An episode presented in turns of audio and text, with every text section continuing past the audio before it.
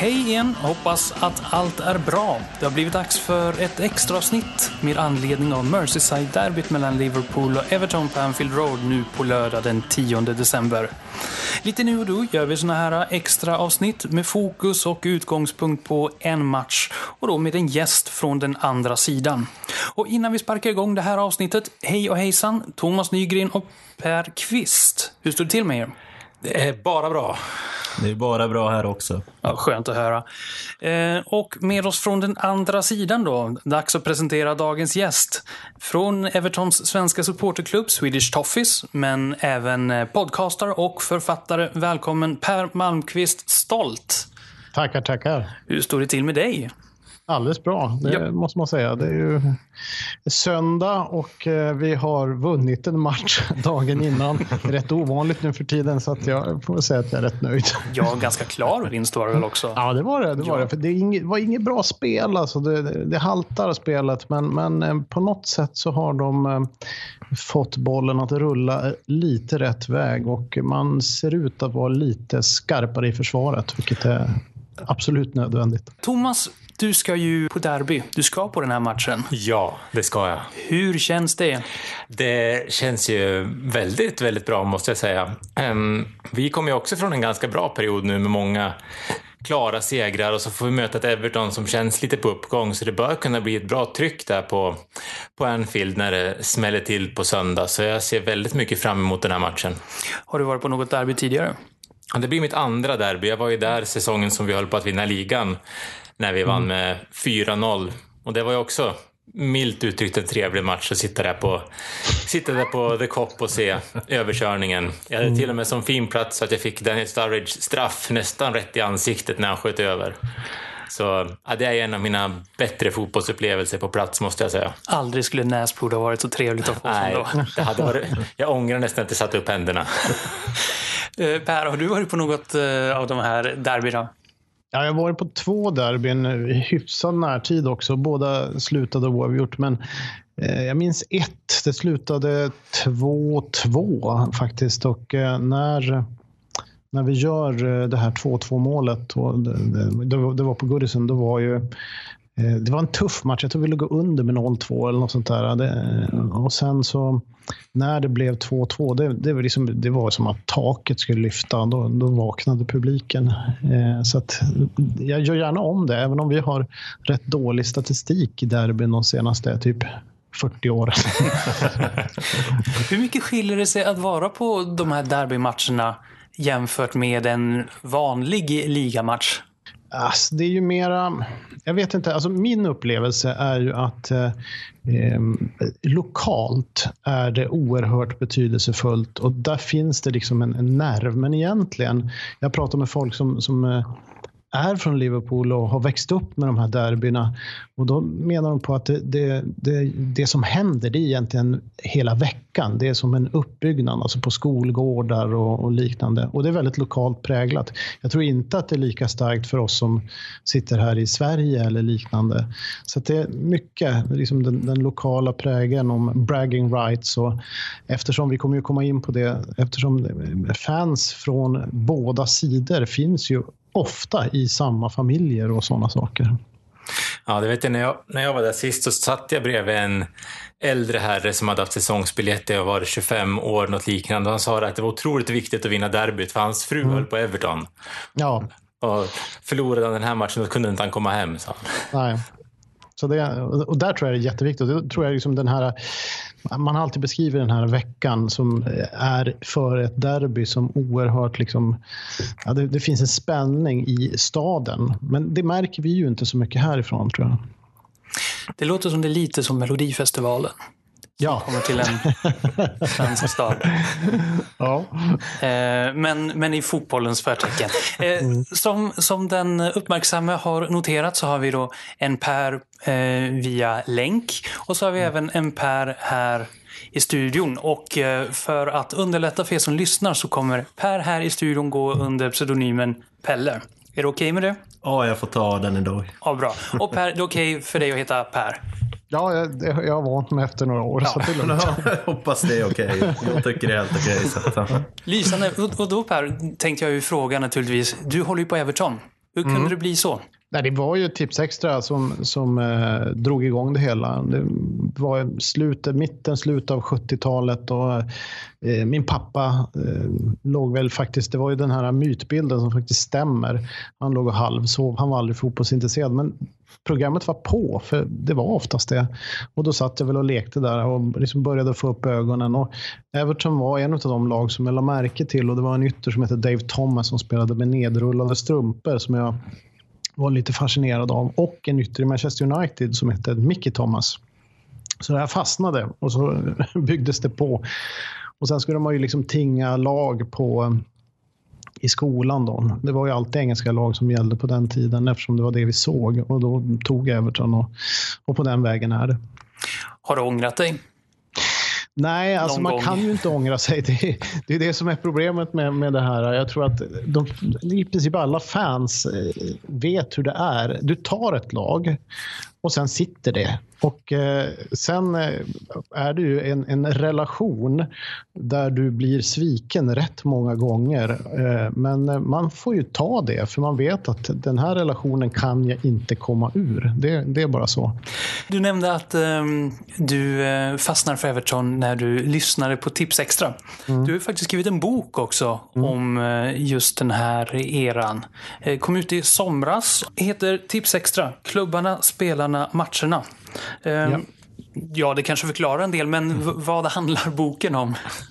Boken handlar om... Jag, jag är ju uppvuxen med Tips Extra och det, för mig så är ju det det har ju varit liksom en kuliss till mitt liv. Det har alltid varit. Jag har nästan varit besatt under vissa perioder av, av engelsk fotboll eh, via Tipsextra. Nu när jag blev äldre så ville jag göra någonting. Jag ville skriva någonting. Det var någon, någon form av dokument. eh, så då eh, bestämde jag mig helt enkelt för att skriva om de 15 mest visade klubbarna i Tipsextra. Och då har jag liksom en förhistoria fram till eh, 69 då Tipsextra började och så skriver jag lite grann om vad som hände med klubbarna under Tipsextra-perioden som varade till 95. Eh, och sen så har jag också tagit ut den bästa elva från den tiden i varje lag. Och jag har också lyft fram en, en profil från varje lag. Även en match som var lite speciell eh, som man kan liksom minnas tillbaks till. Eh, och allt det här är ju då ur ett personligt perspektiv. Jätteviktigt att det inte är någon encyklopedi som man tror. Därför att det är jag som har tolkat vad jag tyckte var viktigt i förhistorien. Det är jag som har tolkat och tagit ut de spelare som jag tyckte var mest spännande i de här lagen. Och sen stannar jag i princip vid 95. För jag tyckte att fotbollen blev så mycket tråkigare efter 90-talet och framförallt på 2000-talet. Även om den egentligen kanske blev mycket, mycket bättre. Vad är det som var så speciellt med den eran fram till då, ja, vi kan väl säga 95 då? Ja, men jag, jag, tror att det var, eh, jag tror att det handlade mycket om eh, längtan. Alltså, Tips Extra byggde på längtan. Alltså, vi hade ju, jag kommer från Boden, nu bor jag i Sollentuna, men, men jag kommer från Boden och det var en bit upp i norr. Och vi hade ju inga, inte ens i närheten av några allsvenska fotbollslag eller lag som man kunde gå och titta på live. Eh, och det sändes ju inte fotbollsmatcher i övrigt i tv. Allsvenskan sändes ju inte i tv. Eh, det var väl knappt någon som var intresserad av allsvenskan på 70 80-talet på det sättet. Eh, hockey var ju mer populär där uppe. Eh, sen så var det ju de här EM och VM-kvalmatcherna som sändes på onsdag, onsdagskvällar då och då och så givetvis de stora turneringarna. Men i övrigt så var det ju engelsk fotboll och det var ju tips extra och det var ju dessutom under en period eh, från mitt mitten, slutet av november fram till mitten av mars som man sände Tipsextra. Så inte den här intressanta början och intressanta slutet av säsongen. För då vågade man inte konkurrera med eh, publiken som man ville skulle gå och titta på allsvenskan. Eftersom då var det inte alls samma publiktryck. Så det innebar ju att liksom, det var ju den storfotboll man fick se. Det var ju liksom den här ären av någonting helt fantastiskt. Och, och då har ju allt det där fastnat. Allt ifrån planerna, frisyrerna, eh, lagen, eh, erorna. Som, det fanns ju en del intressanta lagbyggen på den tiden, inte minst Liverpool som var helt magnifika. Så att, eh, det är det som har fastnat. Så det är som någon form av minnesbild, eh, någon form av eh, trygghet som, eh, som man, man på sätt vill bevara. Och man vet att den aldrig kommer igen och man ska aldrig sträva efter att någonting ska komma igen. Men det är ändå, jag tyckte att det var väldigt fascinerande och det var dessutom en tid där spelarna kanske inte var, de var ju rika men de var inte helt extremt rika och de var rätt nära också eh, publiken på ett annat sätt än, än vad man är idag. Det upptäcker man främst i efterhand när man har läst alla dessa biografier som jag har plöjt genom årens lopp. Och om vi då tittar på Liverpool där. Du nämnde då att du tog ut de bästa startelvorna i, i de olika klubbarna. Jag tänker inte att vi ska gå igenom alla där i Liverpool, nej, nej. det får man läsa i boken. Men vilka var mest givna, tyckte du, att, eh, att ha med i en startelva? Eftersom det är en klassisk era, hela 70-80-talet mm. för Liverpool. Alltså man, man ska komma ihåg att Liverpool är ju extra svår att ta ut. För eh, Jag tror att när man tittar igenom alla de här klubbarna som jag kollar på så har de flesta både vunnit och förlorat lite grann. Men Liverpool var ju helt överlägsna under den här perioden. De var helt, det, var ju, det var egentligen Liverpool mot resten i många håll. Liksom, det var några klubbar som kunde utmana. Everton på 80-talet, Arsenal i slutet av 80-talet, Leeds början på 70-talet eh, och, och, lite andra klubbar också. Aston Villa var uppe en sväng. Nottingham. Men annars så var det ju Liverpool, Liverpool, Liverpool. Och det var ju rätt svårt att ta ut ett lag. Och jag, var, jag gick ju också lite grann på hur många matcher man hade i tipsextra. Alltså till exempel en sån som Kevin Keegan hade ju färre matcher än andra och då gör att han inte platsar. Men eh, de spelare som de satte upp först, det var ju eh, mittbackseleganten Allen Hansen som jag tyckte var helt extremt bra och dessutom en, en ledargestalt och även på mittfältet Graham Souness, den här komplette fotbollsspelaren som dessutom var rätt eh, tuff och eh, många gånger elak. Och sen Kenny Dalglish eh, längst fram som var väl lite av ett spelgeni. Eh, och hade fantastiska förmågor. Och du hade den här skotska treenigheten som går genom laget som en stomme. Och sen måste du ta ut Ian Rush för att eh, en del säger ju elakt att det var Kenny Dalglish som gjorde Rush bra. Men du kan ju inte göra så mycket mål under så lång tid som Ian Rush gjorde. Det är ju nästan ett makalöst eh, facit som man har som inte går att slå. Så att eh, de var det. Sen för just Terry McDermott var, har också plockat ut på mittfältet. John Barnes givetvis den här äh, fantastiske fantastiska vänsterbreddaren. Ellen Kennedy på vänsterbacken som kanske inte var någon stor fotbollsspelare men han var den första spelaren som har avgjort två Europacupfinaler. Det är inte illa för en vänsterback från Newcastle. Phil Neal förstås på högerbacken.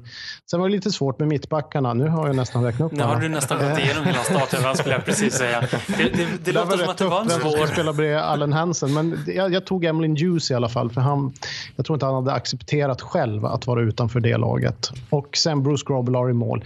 Ray Clemens var väl egentligen bättre, men Bruce Grobbelaar spelade ju så fantastiskt många tips extra matcher och var med så länge. Och var en ganska färgstark person får man säga. Oerhört färgstark. Thomas Berg, har ni någon sån här som eh, ni skulle känna var jättegiven i en, i en eh, startelva? Från den här tiden så... Jag kom in i slutet på tips extra-perioden. Det var kanske slut. Mm. Och Ian Rush var ju... Ja, mål gjorde han ju i allra högsta grad. Och sen den mustaschen och... Nej, det var en, det var en personlig favorit. Pelle? Ja, det här var egentligen lite före min tid. Så att, eh, ja, nej men jag, så jag kommer egentligen inte ihåg någonting. Men jag litar på herrarnas omdömen. Ja. Hur har derbyna utvecklats där under, under Tipsextra-perioden? Ja, alltså det var, man kan väl säga så här att, att eh, jag upplever det som att den, blev allt starkare 70 och framförallt på 80-talet när de var, alltså vi, vi pratar ju om någonstans där i mitten på 80-talet så var det Europas två bästa klubbar. Som, det enda som skilde åt det var Stanley Park och eh, då var ju liksom eh, rivaliteten rätt ordentlig. Men fortfarande var det ju liksom ett friendly derby för man kan väl säga så här att Alltså det, det, det, är en rätt lång historia, vi kommer ju säkert in på det, men man hade inte spelat en kuppfinal mot varandra förrän 1984 och det var då mjölkcupfinalen, ligacupfinalen. Eh, och den finalen är ju faktiskt känd för att eh, hela Merseyside åker ner i bussar till, eh, till London. Och då är det oftast både röda och blåa i samma bussar. Eh, matchen slutade oavgjort. Det var väl ingen fantastisk tillställning. Man hade ett gemensamt ärevarv och, och på, på läktaren så sjunger publiken Merseyside, Merseyside. Det man ska komma ihåg då det är att för första gången på länge, för Everton hade haft det lite stökigt där i slutet på 70-talet, så, så var det liksom så var de två klubbarna uppe tillsammans på den stora scenen. Och Liverpool var ju då en mycket, mycket... Eh, alltså det var ju problem. Alltså man, eh, Margaret Thatcher eh, la ju ner ehm, verksamhet i Liverpool på, i parti och minut och det var ju ingen som hade jobb där överhuvudtaget. Så det här var ju liksom en stolthet. Det var ju någonting som de, som de levde upp till. Och sen fortsatte ju det här, för sen efter det så skulle ju båda klubbarna vara de som slogs om, om eh, titlarna framöver. Så den, eh, den eh, finalen tror jag var rätt viktig på många sätt för de här klubbarna. Men, men eh, rivaliteten har ju funnits eh, under lång tid. Och, och, och vi, vi kanske kommer in på det senare, eller ska jag gå in lite grann nu? Som jag, gå in, när vi ändå pratar om Friendly Derby så kan vi säga, ja. hur, hur länge är det då sedan Thatcher-eran som Friendly Derby har varit ett begrepp, eller har det gått tillbaka tidigare?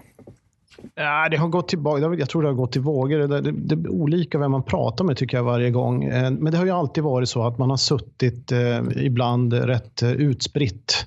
Eh, sen har det där kanske minskat mot, mot slutet av de senare decennierna.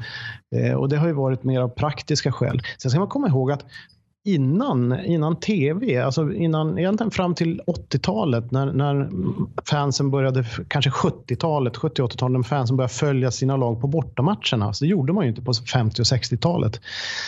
Då gick man ju varannan vecka på Anfield och varannan vecka på Goodison. Det var ju extremt vanligt och det gjorde man ända liksom från början. Och klubbarna kommer ju ur en och samma klubb och då har vi det här med att det finns ju ingen uppdelning arbetare eller medelklass. Det finns ingen upp, religiös uppdelning. Det går nog rykten om att någon av klubbarna skulle vara katolsk, men det, det stämmer inte. Så att de kommer från ett eh, metodistiskt eh, ursprung.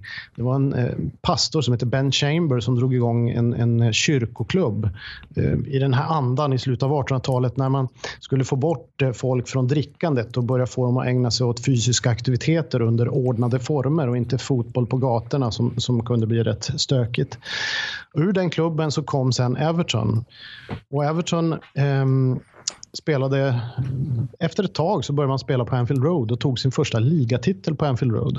Det finns en, fanns en kommitté och han som var drivande det var en affärsman som hette John Holding. Och vid ett visst tillfälle då ville han han ville sälja mark, han ville höja hyran och så vidare för han tyckte att han skulle få tillbaka lite grann av det han hade Han hade lånat ut rätt mycket pengar till klubben och han var ju en affärsman. Och då blev det ett, en, ett bråk där mellan en annan här i kommittén som eh, var en advokat som heter George Mahon.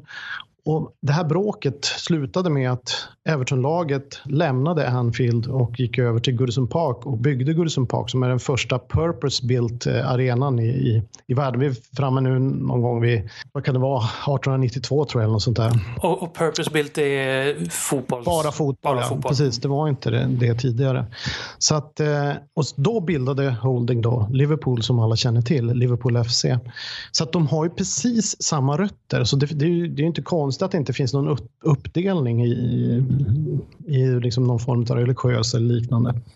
Sen pågick det där. Holding, det var ju en, en när han dog 1902, då, då blev det en, återigen en liten fredsuppgörelse. För då var det faktiskt så att det var tre Everton som bar kistan och tre Liverpool. Sen var det så att det var två stycken i, i eh, vardera styrelsen. Eh, en John McKenna i, Liverpool och en Will Cuff i Everton som var goda vänner. Så från eh, Holdings död fram till typ 35 eller något sånt där, då var det, fanns det rätt mycket gemenskap mellan klubbarna och man hade till och med eh, samma matchprogram. Alltså man hade gemensamma matchprogram fram till 1935. Man hade såna gemensamma gudstjänster och, och sådana saker. Och det var ju också under den här eran när Everton hade den store Dixie Dean. Så Everton kanske var lite mera eh, liksom stjärnspäckat än Liverpool. Men då, Liverpool tog ju fortfarande eh, titlar på den tiden. Sen var det ju då efter kriget när eh, eh Everton, Everton tog sen över av John Morse som är en väldigt stor figur i Liverpool. En, en fantastisk affärsman. Och han köpte in sig i Everton och eh, lite före det också så tog ju Bill Shankly över Liverpool, eller det var väl ungefär i samma veva egentligen. Och det var ju faktiskt John Moore som tipsade eh, Liverpools eh, styrelse om vem man skulle prata med. Och då sa han, tipsade han om Matt Busby och då kollade man med Matt Busby och Matt Busby tipsade om Bill Shankly och, och liksom på den vägen är det. Och Moores-familjen ägde ju aktier i både Everton och Liverpool. Det får man inte göra idag, men det gjorde man. Och John Moores har alltid sagt, han var ju Everton-supporter och han var ordförande i Everton. Han, det var ju det som gjorde att Everton var så rika på 60-talet. Det var ju alla hans pengar. Men de finansierade även Liverpool. Jag tror det var Camlin Stand som byggdes. Det kom från pengar från Morse-familjen. Och sen har ju då hans brorson David Morse eller något sånt där. Han har också varit med i Liverpools styrelse på senare år. Och Morse resonerade alltid så att det som är bra för stan, det, det är, bra för, det, det, är bra för båda klubbarna. Så att, eh, det var ju också en period när de var rätt nära varandra. Det var också John Moore som tipsade Bill Shankly om en um, vd eller om marknadsanförare som heter Eric Sawyer. För innan dess så hade det varit en, liksom en, mer en kommitté som skötte inköpen och Shankly tyckte att de här var helt talanglösa. Alltså så ville han ha någon person som man kunde samarbeta med och då fanns det en kille som jobbade på Littlewood som, som var då Moores organisation som hette Eric Sawyer som han tog över till Liverpool och de två hade ett jättebra samarbete. Sawyer fixade pengarna och Shankly fixade i princip allting annat. Det låter som en liten solskenshistoria, hela, hela klubbhistoriken. Ja, men lite så är det. Alltså, det som man ofta glömmer idag det är hur nära de här två klubbarna är. Och man, när man ser på det så ser man, förstår man ju också att i en och samma familj så finns det blåa och det finns röda. Det finns liksom ingen skillnad. Ta dessutom då att man kanske går på varandras matcher under rätt långa perioder. Och på 60-talet var ju båda extremt framgångsrika. Fram till dess kanske det hade varit Everton som hade varit mer framgångsrik. Och sen kommer då den här delningen. Man säger att det är matchen 71, någon semifinal där Liverpool vinner över Everton och på något sätt tar över helt och hållet och är fullständigt dominanta senare. Eh, så det, det, finns ju det. Men sen så kommer ju då de här Wembley Derbys eh, eh mjölkcupfinalen 84, då FA-cupfinalen 86 och FA-cupfinalen 89 som också är, det är ju som någon form av Merseyside eh, stora Merseyside-fester som man liksom får lyfta fram stoltheten. 89 präglas ju också väldigt mycket av Hillsborough-katastrofen eh, som bara skedde eh, någon vecka eller några veckor före det. Så, så, jag tror att man kan se att det finns en stark lokal rivalitet som går så långt ner som till köksbordet. Men den rivaliteten kan man ju inte börja slåss och bråka om. Så att där handlar det om att liksom man kanske Eh, det var någon som beskrev att när vi, på skolgårdarna då delade vi upp alltid som man brukar. Men veckan innan derbyt började då delade man upp i Liverpool mot Everton och så körde man det. Och, och, och, det gör ju att jag skulle vilja säga att det här är en fullkomligt unik rivalitet i, i, i världshistorien. Det finns liksom ingenting liknande. Och sen har vi också såna här saker som Hillsborough som har enat klubbarna i efterhand där man det var ju, alltså man kände ju varandra, det var ju släktingar och så vidare.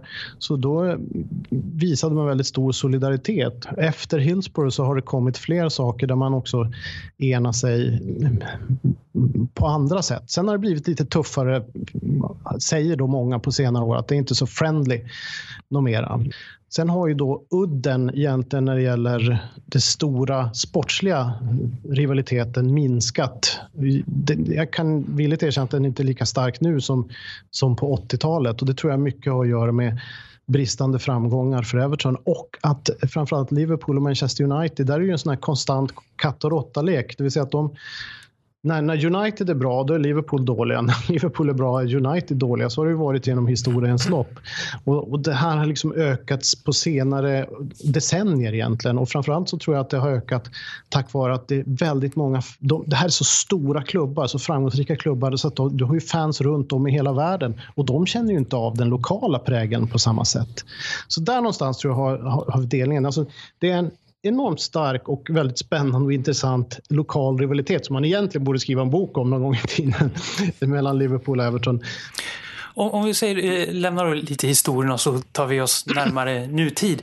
Men om vi tittar framförallt då på Everton, det har varit en ganska händelserik säsong får man väl ändå säga. Hur skulle du vilja sammanfatta säsongen som den har varit hittills då, eh, 2017-2018? Eh, deprimerande. Vi hyste ju rätt stora förhoppningar. Sjundeplatsen i fjol gav ju mer smak. Eh, och Ronald Koeman tycktes ju veta vad han höll på med. Och Sen så visste vi att vi skulle förlora Lukaku. Det, var ju liksom, det, det, det har ju pågått under en längre tid. Eh, och vi, vi, vet också att det finns väldigt mycket pengar. För förutom alla de här tv-pengarna så har ju nu Everton också en, en väldigt rik ägare i Farad Moshiri. Så det finns pengar. Och det är ju så att det man glömmer ibland med Everton, man säger att David Moyes var så fantastisk under sina 11 år och det var han därför att han hade inga, Everton var en fattig klubb då. Ja, i relation, beror på vad man sätter i relation till, men då var en fattig klubb. Han, han gjorde mycket av ingenting. Dock tog han aldrig en pokal och tittar man på vår historia så har vi aldrig gått pokallösa så här länge och Everton ska inte vara en klubb som går pokallös. Och därför så är ju, var ju liksom Eh, förhoppningarna på Koman rätt stora att äntligen, nu jäklar ska vi vara med och utmana om Champions League-platser och vi ska ta pokaler. Eh, och så föll det ihop som jag vet inte vad. Det var som att sticka hål på en ballong. Och jag var själv och såg eh, matchen mot eh, Lyon som förlorade med 1-3. Jag såg eh, det var eh, sen på söndagen när vi förlorade med 2-5 mot Arsenal. Eh, tror jag slutade räkna målen. Och det var ju så bisarrt dåligt så jag har aldrig sett dem spela så dåligt. De hade tappat allt självförtroende.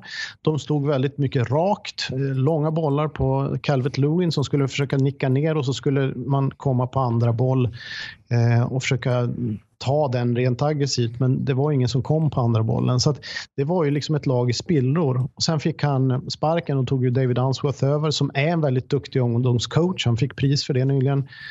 Eh, men han hade ju, det var ju inget lag han hade att ta över. Så att, men jag tror han fick till det lite grann för att den eh, sista segern här, eller näst sista segern, det var ju ändå hans förtjänst. Men eh, det, det blev ju Sam Allardyce som tar över nu istället. Så det får vi se. Men det har varit en, en oerhört deprimerande säsong och jag har aldrig sett dem så dåliga faktiskt. Vad var det som inte funkade med Koman? För vi har ju pratat vid tidigare i en podd som jag hade tidigare då. Eh, att man gjorde som med Roberto Martinez eh, för att han fick aldrig någon ordning på försvarsspelet. Eh, och Ronald Koman skulle ju bli ja, han som fick ordning på försvarsspelet. Men mm. under inle ja, och det såg väl lite ut som så förra säsongen. Ja, det gjorde det. Och, och det var det som var så frustrerande. för att det var ju en kollaps. Jag vet att vi spelade 1-1 mot Manchester City. Vi är det enda lag som har tagit poäng mot Manchester City hittills i år. Och då hade de ett perfekt försvarsspel. Det var tror jag, andra matchen och sånt där. Men återigen, det är någon, någon, total kollaps och någonting måste ha hänt där. Jag har aldrig sett så många dyra spelare framför allt och många rutinerade spelare springa runt med så dåligt självförtroende och göra så många misstag. Och försvaret har ju varit kast. Det har ju varit bara att promenera igenom det om under stora delar av säsongen. Hur tycker du att försvarsuppsättningen är? Det är ju ganska ålderstiget med säg, mittbackarna Ashley Williams och eh, Jagielka. Mm. Nu, nu köpte man in Michael Keane Ja, Michael Keane. Ja. stackaren, han, han tappar ju självförtroendet helt och hållet. Han har ju varit som ett vrak. Eh, en, en i grunden bra spelare, men han hamnar liksom i fel eh, miljö. Och Gylfi Sigurdsson börjar få upp självförtroendet nu först. Han har också varit helt hopplös. Men nu verkar det bli bra. Men försvaret är ju det att de är ju nog lite för gamla, många av de där stöttepelarna där. Det som man då trodde det var att du har ju så pass många ledare där bak. Du har Ashley Williams, lagkapten i Wales, du har Phil Jagielka, lagkapten i, i, i, Everton, du har Leighton Baines som är rutinerad och, och varit lagkapten. Alltså, Seamus Coleman som tyvärr varit skadad hela säsongen, men han har ju varit lagkapten i Irland. Alltså, jag tror det var det man trodde på, att du hade så pass mycket rutin och ledarskap. Men det ledarskapet har ju fallit helt platt. Och senaste matchen nu, då hade vi ju ingen av de här rutinerade med utan vi hade ju det unge John Joe Kenny på högerbacken som gjorde en kanonmatch. Som är en av de här i, i akademin som, som alltid har spått en lysande framtid. Eh, Mason Holgate, också en akademispelare som, som var bra som mittback. Ashley Williams var med. Och sen hade vi eh, Coco Martina eh, som eh, vänsterback. Han är egentligen högerback och en sån här squad player, men Baines är skadad. Så att jag tror att eh, det kommer att bli förändringar här vad det, vad det lider. Antingen så hittar man några att man kan satsa på Holgate och, och Kenny. De, de, ser ut att ha någonting. Men eh, det behöver in nyförvärv även där.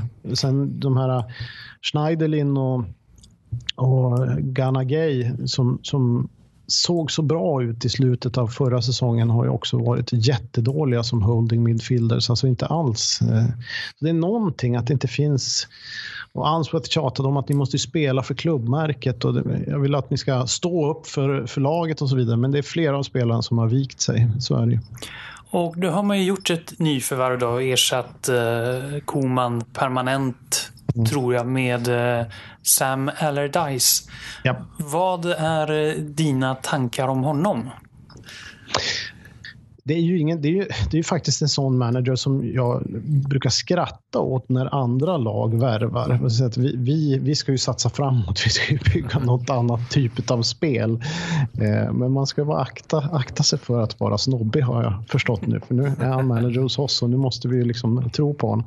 Dessutom är en assisterande som heter Sammy Lee som alltid har varit en hackkyckling bland Everton-fansen. Men han är en jäkligt duktig assisterande så det kommer vi, det kommer vi liksom aldrig ifrån. Gammal Liverpool-spelare. Eh, så jag tror att han, eh, han kommer nog stabilisera upp det här. Men de här två senaste segrarna är ju inte hans förtjänst utan det är ju Answorth som hans laguttagningar och han som till slut fick lite koll på det hela. Sen får vi se vad han gör, för han har ju en rätt enkel medicin, Allardyce. Han stabiliserar i backlinjen försvarsmässigt och sen så har han alltid idén om att första bollen ska framåt eh, och så är det oftast högt tempo och, och liknande. Vi får se om han får till det på. Sen förstår jag, alltså, om man ska bygga lag då vill man ju i regel ha någon som som kan få en kärlek för det här laget. Jag menar Sam Allardyce, han har tränat alla Premier League-klubbar, höll jag på att säga. Men vad är det? Sex, sju stycken eller något de, sånt där. De som inte haft med titelracet att göra i alla ja, fall. Ja, precis. De. Och det, frågan är liksom då hur... Ja, det, det, känns inget roligt med en sån manager. Dessutom står han för ett spel som jag hade hoppats att vi skulle bygga oss ifrån.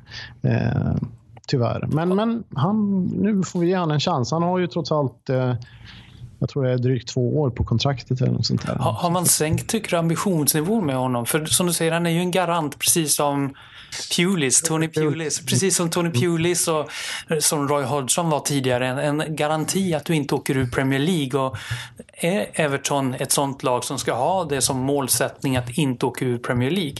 Nej, nej, nej. nej. Det, är det, det är det, och det är det alla fansen också känner. att alltså Nu äntligen måste vi, vi måste titta framåt och vi måste satsa framåt. Det här med Moyes-tiden där han stabiliserade oss på övre halvan hela tiden. Det, det, är ingenting som fansen vill ha egentligen. Och nu när det finns pengar.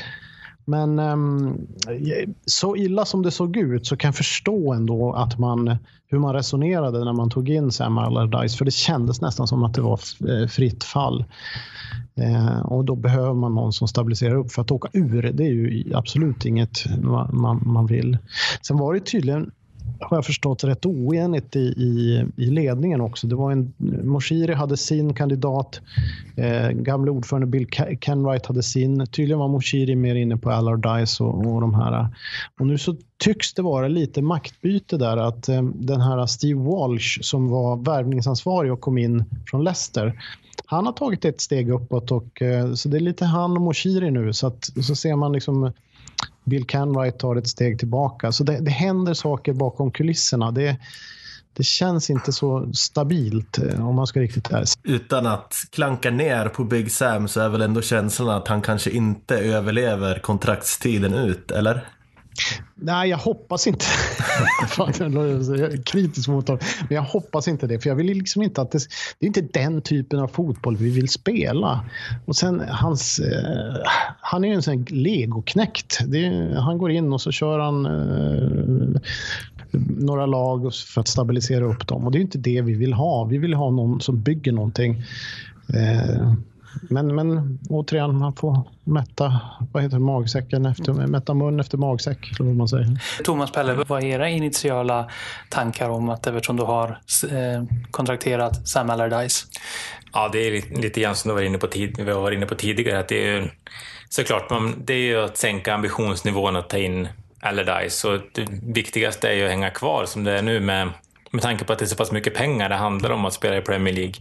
Mm. Men jag tycker att det är just den här naturlagen som verkar finnas, att Pardew, Allardyce, Pulis, Hodgson, att de alltid återvänder till Premier League. Hur många gånger de än blir sparkade så dyker de upp inom bara några månader igen. Det känns som att man skulle vilja ha ett, eh, ett omtänk hos många av de här klubbarna i England för att för att den engelska fotbollen ska utvecklas lite mer. För det har ju varit samma namn som har varit aktuella för de här klubbarna som har varit strax under toppen i, ja, i stort sett hur länge som helst, känns det som. Och det är som att de bara, bara går runt. Så mm. den dagen som Mark Hughes får sparken ifrån Stoke så skulle jag inte bli överraskad om det är något sånt där namn som dyker upp där också. Nej, tyvärr. Och det är, för på något sätt, alla vet ju hur det slutar. Alan Pardew kommer aldrig att sluta med att man liksom håller sig i toppen under en längre period. Det vet man ju. Det, det, det har han ju visat så många gånger. Samma sak med Sam Allardyce. Han hade ju chansen med Newcastle att göra någonting av en, en klubb som hade resurser, men det funkade inte. Sen är det väl också lite grann, det är inte bara att hitta en spännande tränare under den här perioden på säsongen heller kan jag tänka mig. Nu vet jag inte vilka namn som som det ryktades om mer än Allardyce när ni sökte tränare? Ja, det ryktades väl om de flesta. Det var ju dels väldigt mycket rykten om Sean Dyche i Burnley. Det var rykten om eh, Watford, eh, Watfords manager Silva, där man hade tre bud faktiskt, men Watford stod emot och Silva vägrade ju svara på presskonferensen så han var ju säkert rätt sugen. Men Silva är också lite grann legoknäckt. Han stannar ju sällan länge i sina klubbar. Och sen var det ju de här, ja, det var ju bisarra rykten som Simeone och, Simeone och så vidare. Så det, det, det har varit alla möjliga namn. Men Sam Allardyce var nog en av dem man kontaktade först och han drog sig ur eftersom jag tror att de gav honom bara typ säsongen ut. Han ville ha ett längre kontrakt. Så nu fick han ju då ett jättedyrt kontrakt som sträcker sig över två år istället. Och, och, och man har väl en hel del att betala av på Koman redan. Så man, jag, vet, jag, vet, inte, det blir, det blir väl sådär. Ja, jag, jag kan väl tänka mig lite att det var så här eller för det första så tycker jag att Everton, de satsade ju på ett sätt förra mm. sommaren och la mycket pengar på spelare, men nettospenderandet var ju egentligen inte enormt, absolut inte jämfört med Nej. De, ja, de som ligger liksom i topplagen och lägger mest pengar. Så att egentligen kanske man blev lite lurad av att de la så mycket pengar på spelare för att de fick ju också in väldigt mycket pengar så att säga. Sen tänker jag lite att David Moyes, Everton, de levererade ju stabila resultat år efter år med väldigt mm. stabil trupp. Och han hittade ju sina fynd och han skapade ju en slags stomme där med många brittiska spelare. Mm. Och det är ju... Många av de spelarna är ju antingen har redan lämnat eller de är kvar men är ganska gamla om man ska vara helt ärlig. Så att mm. den här förra sommaren ägnade ju Everton egentligen åt att bygga en ny stomme. Mm. Och det är ju självklart inte världens enklaste sak och då tog man ju in en lovande målvakt, en lovande mittback som mm. båda har gjort det bra i Premier League innan. Man tog in Sigurdsson som är, har ju levererat många säsonger och är hyfsat stabil sådär. Mm. Och man tog även in flera spelare förstås. Så att jag tänker lite att ja, nu byggde man en ny stomme, lite som Liverpool gjorde när man tog in Jordan Henderson och de här som mm. först blev bra så småningom. Mm. Och sen gick det ju naturligtvis inte som man hade hoppats under säsongsinledningen, tvärtom. Och då är ju klart att man blir lite desperat i det läget. När man mm. ser, oj vi har många äldre spelare och de här nya och kanske inte riktigt kommer in i det på, på det sättet som man hade tänkt. Och då är det ju lite sådär att desperata tider kräver ju desperata åtgärder. Och då är ju, vi får ju absolut inte åka ur Premier League. Och Big Sam satt ju med, i en bra förhandlingssits då, för alla vet ju, ja men han åker ju inte ur och Everton vill ju absolut inte åka ur. Okej, resten av säsongen, Big Sam. Kanske inte alls vad de här nya spelarna hade förväntat sig när de skrev på för klubben, så att på mm. sikt kanske det inte är någonting att satsa på så. Men jag kan ändå förstå att man gav Big Sam ett långt kontrakt bara för få honom den här säsongen. För de mm. pengarna tjänar man ju ändå in så att säga om man stannar kvar i ligan. Så jag skulle inte bli så förvånad om Everton stannar kvar hyfsat och Big Sam får gå ändå om man tar in någon nästa sommar. För då kommer det ju finnas fler namn tillgängliga också. Nej, det är, det är, det är helt eh, rimligt scenario. Jag håller med. Och Det är klart att det är som du säger, han hade bra förhandlingsläge här. För att eh, det var bråda tider. Man måste in med någon. Och, eh, så, så, så är det. Sen lagbygget, det är, det är svårt när man liksom gör så stora förändringar som Koman gjorde. Och det var väl faktiskt så också att vi, många av oss tyckte att det saknades två till tre värvningar. Bland annat en, en rejäl centerforward. Oliver Giroud var ju rätt nära, har det visat sig i efterhand. Men det var ju det att, att han, han ville inte flytta upp till Liverpool eller om det var hans fru eller hur det nu var. Eh, så att, och den hade vi behövt plus ett par till egentligen. Så att, eh, med, med tanke på hur mycket pengar vi fick då från Lukaku så, så hade det krävts mycket, mycket mer att att spendera. Och det lyckades vi inte riktigt med. Jordan Pickford däremot, han har varit väldigt bra. Där har vi någonting. Eh, och han får ju träna mycket nu också eftersom han inte har något försvar framför sig. Eller nu har de ju två raka noll. Eh, alltså de har inte släppt in någon mål på två raka matcher så det kanske vänder. Ja, det som jag kan känna lite när jag ser Everton, speciellt i jämförelse med Liverpool, är att de har ju inte så mycket snabbhet i laget. Nej, det blir ju konstigt. Vi har ju oftast, du har ju Rooney och du har Sigurdsson och så köpte vi den här David Klassen från, från Ajax. Och alla tre är ungefär samma typer av spelare. Klassens självförtroende är ju helt under isen så att han är ju rätt långt ifrån laget. Han kommer ju in i fel läge helt enkelt. Eh, och Sigurdsson har ju då fått användas oftast på en kant och, och den kanten blir ju oerhört eh, eh, känslig därför att det är så lätt. Han, man ser på honom att han inte är van att spela där och, och, det blir fel och han är långsam och så vidare. Och Då nyttjar man inte honom på rätt sätt. Sen har han ju faktiskt de senaste två, tre matcherna lyft sig rejält och han har liksom kommit in mer i mitten. Jag tror de rör på sig rätt mycket där, eh, byter platser och så. Rooney har ju, har ju också tagit ett steg tillbaks, mycket, mycket, mycket längre bak i plan och det har visat sig vara väldigt bra. Jag tycker Rooney egentligen inte har gjort någon dålig säsong. Han gör det han ska. Han gör de här passningarna som man ska göra. Han, han kan vara den här ledarfiguren. Sen ska man ju veta att han är ju gammal, eller gammal, men han är inte den han har varit förut. Jag tror till exempel Rooney har inte en sån kropp så att han kan spela lika länge på så hög nivå, till exempel som Zlatan och, och, och många andra spelare. Eh, så att eh, han har gjort det han har kunnat. Men just den obalansen, den är uppenbar. Och sen saknar vi eh, bra yttrar en stor centerforward. Och, och Bolasis skada var ju jätteolycklig. Det, det ska man ju villigt erkänna. Och sen så tror jag, alltså jag saknar ju Ross Barkley, det gör jag. Men nu har man ändå gjort två, två segrar här nu då inför matchen, den här eh, mm. derbymatchen om ja, en dryg vecka blir det väl. Eh, två raka hemmasegrar som sagt var. West Ham 4-0 följt av Huddersfield mm. 2-0. Liverpool också två raka segrar. 3-0 borta mot Stoke och nu senast då 1-5 borta mot Brighton. Liverpool mm. återfinns på plats 4, 29 poäng. Everton plats 10, 18 poäng. Dock bara 4 poäng ner till en 16 plats. Hur är era tankar? Hur går era tankar inför den här matchen som, som eh, är i stundande? Thomas, du som ändå ska dit och spana in spektaklet. Mm. Ja, nej, men det känns ju som att det kommer bli, kommer bli väldigt spännande. Uh, Everton, för ett par veckor sedan så kändes det som att jag skulle kunna få se en ganska så trygg trepoängare. Men så vet man ju det här med derby, att det är ju inte som en vanlig match, utan det kan ju, ett derby kan ju alltid sluta hur som helst. I alla fall känns det så inför. De senaste åren har vi faktiskt en väldigt, väldigt bra statistik mot eh, Everton. Men eh, det känns som att våran, våran speed mot eh, Evertons, som jag ser det, i alla fall ganska långsamma backlinje, borde ju kunna passa, borde kunna passa spelare som Salah och Mané till exempel ganska bra. Samtidigt som ehm, ja, vi vet ju att vi inte heller har det mest trygga försvaret. Vi har ju inte heller det bästa spelet på egna fasta situationer till exempel. Mm. Och eh, en sån som Ashley Williams vet man ju kan vara farlig på hörnor. Det finns många starka spelare i Evertons backlinje. Om, om man kanske ser dem som lite långsamma så är de istället fysiskt starka. Och det är ju någonting som vi brukar ha problem med när det blir frisparkar, hörnor och liknande. Så jag ser ju oss som, eh, som favoriter. Jag tror att vi kommer ha väldigt, väldigt mycket boll. Men eh, lika säker som jag var för ett par veckor sedan är jag verkligen inte idag för första gången på väldigt länge så är jag, det får bli det det blir. Vi, vi det här är under en liksom stabiliseringsfas och jag kan väl i och för sig tro att det är en fördel för oss att åka till ett derby på Anfield utan egentligen några som helst krav på oss. Särskilt nu när det ser ut som att vi har stabiliserat lite mer bakåt.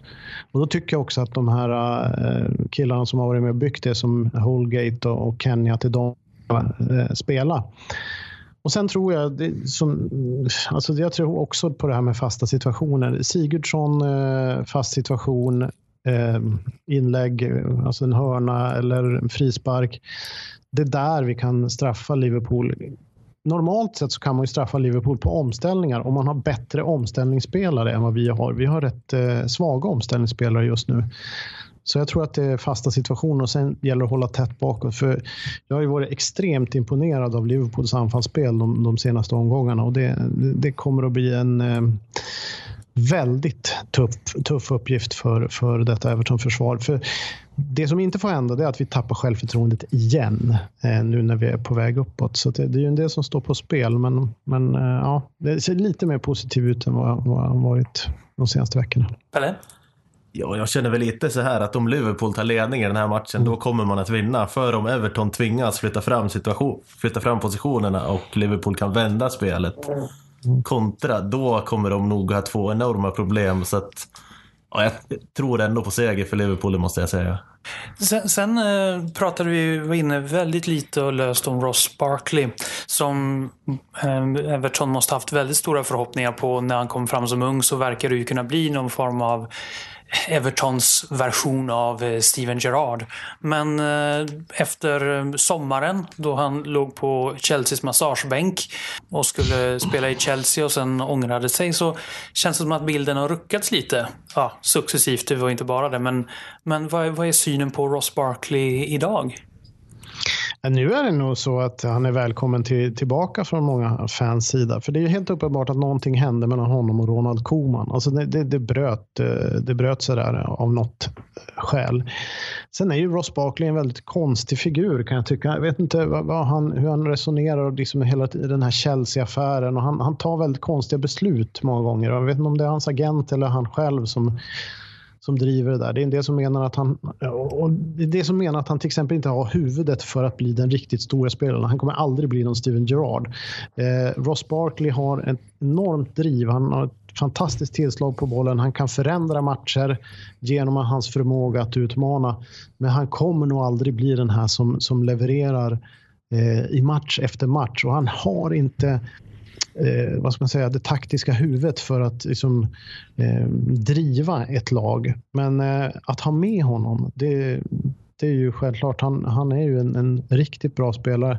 Även när han var som sämst i fjol så var han en av de som utmanade mest. En av de som stod för såna här passningar som gav målchanser och så där. Så han är ju han är ju med där. Så nu får vi se. Jag, jag, tror det är väldigt mycket upp till om Sam Allardyce kan ta ett snack med honom eller inte. Men jag tror att han har siktet inställt på Tottenham Hotspur egentligen. Det är väl det som, som gäller för honom. Men återigen, jag tror att mycket det hände någonting mellan honom och Koman. Koman var ju rätt eh, plus och minus. Antingen är du med mig eller så är du inte med mig. Och eh, det funkade inte mellan honom och Barkley. Och om vi då återigen vänder blicken mot matchen här då matchbilden. Hur tror ni att det kommer att se ut? Inte hoppas, men hur tror ni att det kommer att se ut? Eh, jag tror som sagt att Liverpool kommer att ha väldigt mycket boll. Mm. Um, Everton kommer säkert att sjunka åtminstone inledningsvis. Det är, de mm. flesta lagen har ju spelat så mot oss den senaste tiden att man eh, faller hem och packar ganska tätt runt eget straffområde för att inte Salah ska komma in bakom eller Mané ska komma in bakom. Så, så länge det står 0-0 kommer det säkert att se ut ungefär det är ungefär som det gjort för oss de senaste veckorna. Att vi kommer att vi kommer att ha mycket boll och få försöka ta oss in bakom ett samlat försvar. Ehm, sen ehm, när väl första målet kommer, beroende på åt vilket håll det kommer, så kommer säkert matchbilden att antingen om Everton gör målet kommer nog matchbilden bli ännu tydligare, att det blir ännu mer fokuserat på deras försvar. Och om vi gör första målet, som man såklart hoppas, så kommer Everton att kliva fram och då blir det en helt annan matchbild. Mm. Och jag tror att det blir svårt, eh, som ni är inne på, att de gör Liverpool första målet. Alltså, kliver vi fram, det är så lätt att bli straffad av eh, Liverpools fantastiska omställningsspelare. Så att, eh, det handlar om att eh, ha 0-0 eller kanske få in ett ledningsmål på en fast situation tidigt för Everton. Men liksom, det handlar om att hålla ut. Det är nollan i, som, som gäller, att hålla den så länge som möjligt, så, så länge vi orkar helt enkelt. Hur viktig är den här matchen för de här båda lagen? Eh, Everton har ju en ny tränare som vill sätta sin prägel mm. och göra ett bra intryck och få upp självförtroendet för, för spelarna. Liverpool har ju, har ju ständigt kravet på Champions League. Eh, hur viktig är just den här matchen, den här derbymatchen för de olika klubben, eh, klubbarna? Vi kan börja med Pelle, vad tror du?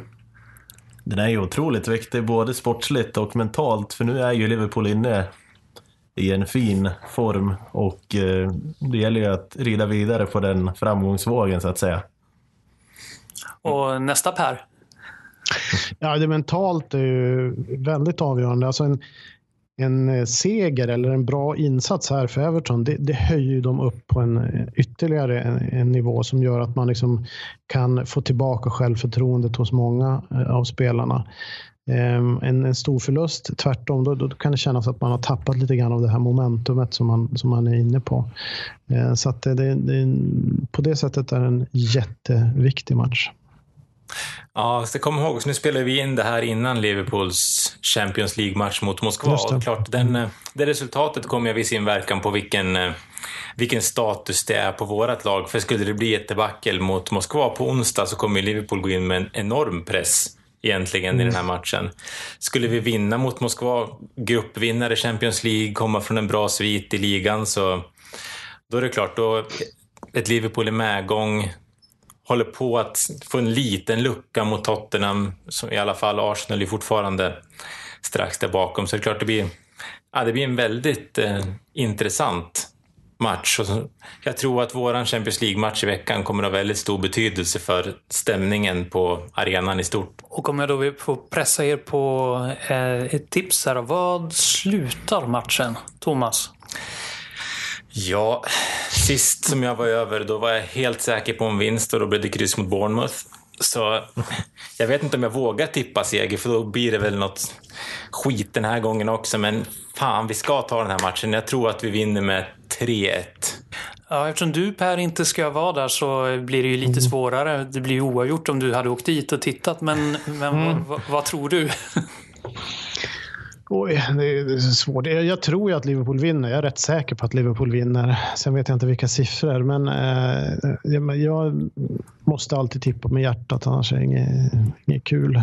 Det ultimata skulle vara ett tidigt mål och vi håller ut. Eh, men 1-1 eller 0-0 skulle funka fin, fint. Men tippar jag med hjärnan så tror jag att eh, Liverpool vinner. De är liksom för starka än vad vi är just nu. Vi har, vi har inte balanserat upp oss.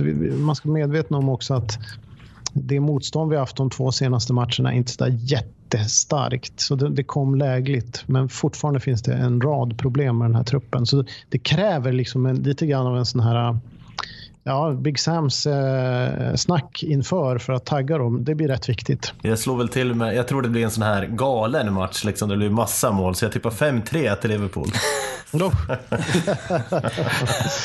ja, men om jag sätter den då kan jag skryta.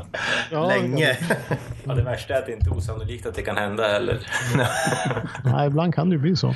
Ja, speciellt med, med vårt försvarsspel så kan det alltid hända saker bakåt också.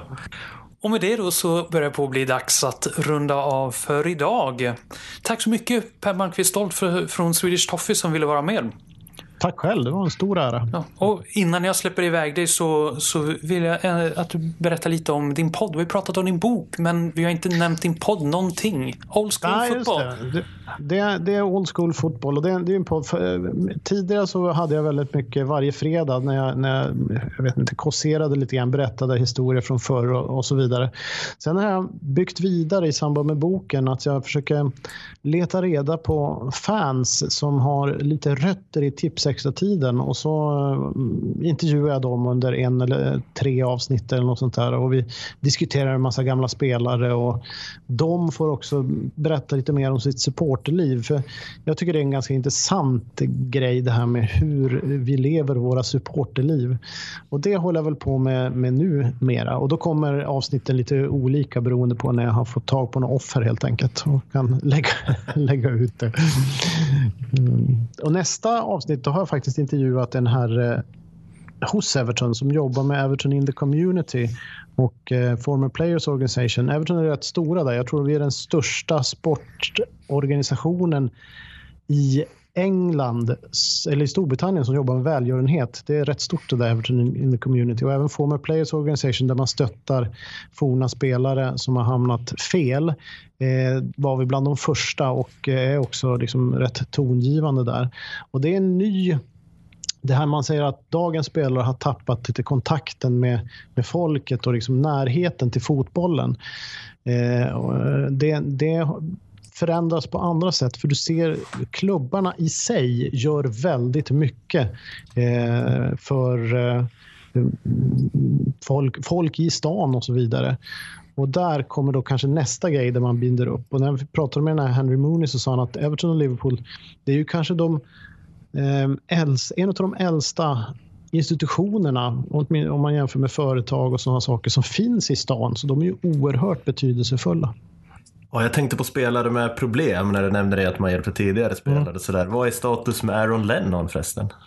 Han är tillbaka och spelar. Han spelar också, han är ju rätt bra. Han har ju varit med de två senaste matcherna från start. Men där har vi också, det är typiskt en sak där Former Players Organization, nu är ju han en nuvarande spelare, men mm. det är ett stort problem. Förr i världen så var det rätt eh, stora problem med att eh, man hade för lite pengar när man slutade spela fotboll och så började man ägna sig åt att dricka och eh, gjorde av med pengarna på dålig affärsverksamhet och sen så var man tvungen att stötta dem med en höftledsoperation och så. Men nu är det mycket mentala problem man gäller, typ Aaron Lennon. Det är flera killar som, ehm, ja, mycket med tanke på att de är så högt uppburna och så får de problem. Och Lennon är ju faktiskt en sån som, han har ju varit borta i flera månader tack vare att han, vet inte exakt vad det är, men det, det, det var en rätt uh, svår depression tror jag han hamnade i. Mm. Och då kommer jag här nu med eh, instick som inte har någonting av det vi har pratat om de senaste minuterna. Men, eh, och det gäller din podd. Var hittar man den? Ja, just det. Det, kanske. Det, det, finns ju på alla de här, äh, där poddar finns. Men iTunes finns den på. Eh, Svenska fans förstås. Där finns den alltid. Fan, fan radio, det är liksom hemmet. Eh, des, poddens hem. Men eh, annars så finns det finns på andra ställen också. Men eh, iTunes eller Svenska fans kan ni gå in och kolla så hittar ni den. Tänker om man vill ha tag på den här boken, är det vanliga bok, internetbokhandlar som gäller då eller är det något speciellt ställe man hör av sig till? Nej, det finns, finns på Bokus och Adlibris och den finns också på akademibokhandlar runt om i, i, i vårt avlånga land. Så det, det, finns lite varstans. Tack återigen Per för att du ville ja, vara tack. med. Och, eh, tack, tack. Vi, jag hoppas vi får eh, någon anledning till att återkomma. Mm. Per Malmqvist, stolt alltså från Swedish Toffees, som skrivit boken Tips Extra, klubbarna, matcherna, spelarna och som även har podden Old School Football. Och per, Pelle och Thomas, har ni någonting som ni vill tillägga? Nej, mest bara att det var jätteintressant att, att lyssna tycker jag. Som liksom, ja, jag var ju bara med i den slutet på Tips Extra-perioden och började följa Liverpool i slutet på 80-talet. Även om man har ramlat över liksom historiebitar under åren så är det alltid spännande att höra om hur det var förr, tycker jag. Så det var jätteintressant att lyssna. Och få vara med och prata såklart. Mm, jo, absolut. Jag är ganska intresserad av historia rent allmänt och fotbollshistoria är ju inget undantag, så det var jätteintressant. Och med de orden så tackar vi så mycket för oss. Från totalliverpool.com då Thomas Nygren och Per Kvist och så jag då, Andreas Kärpe. Och om du vill så hörs vi igen då under mellandagarna då ytterligare ett sånt här extra program är tänkt att skickas ut i luften. Då med Tobias Hysén som gäst. Så håll utkik på den här podden på de vanliga poddkanalerna och även på Total Liverpools hemsida. Tills dess, ha det så bra. Hej då!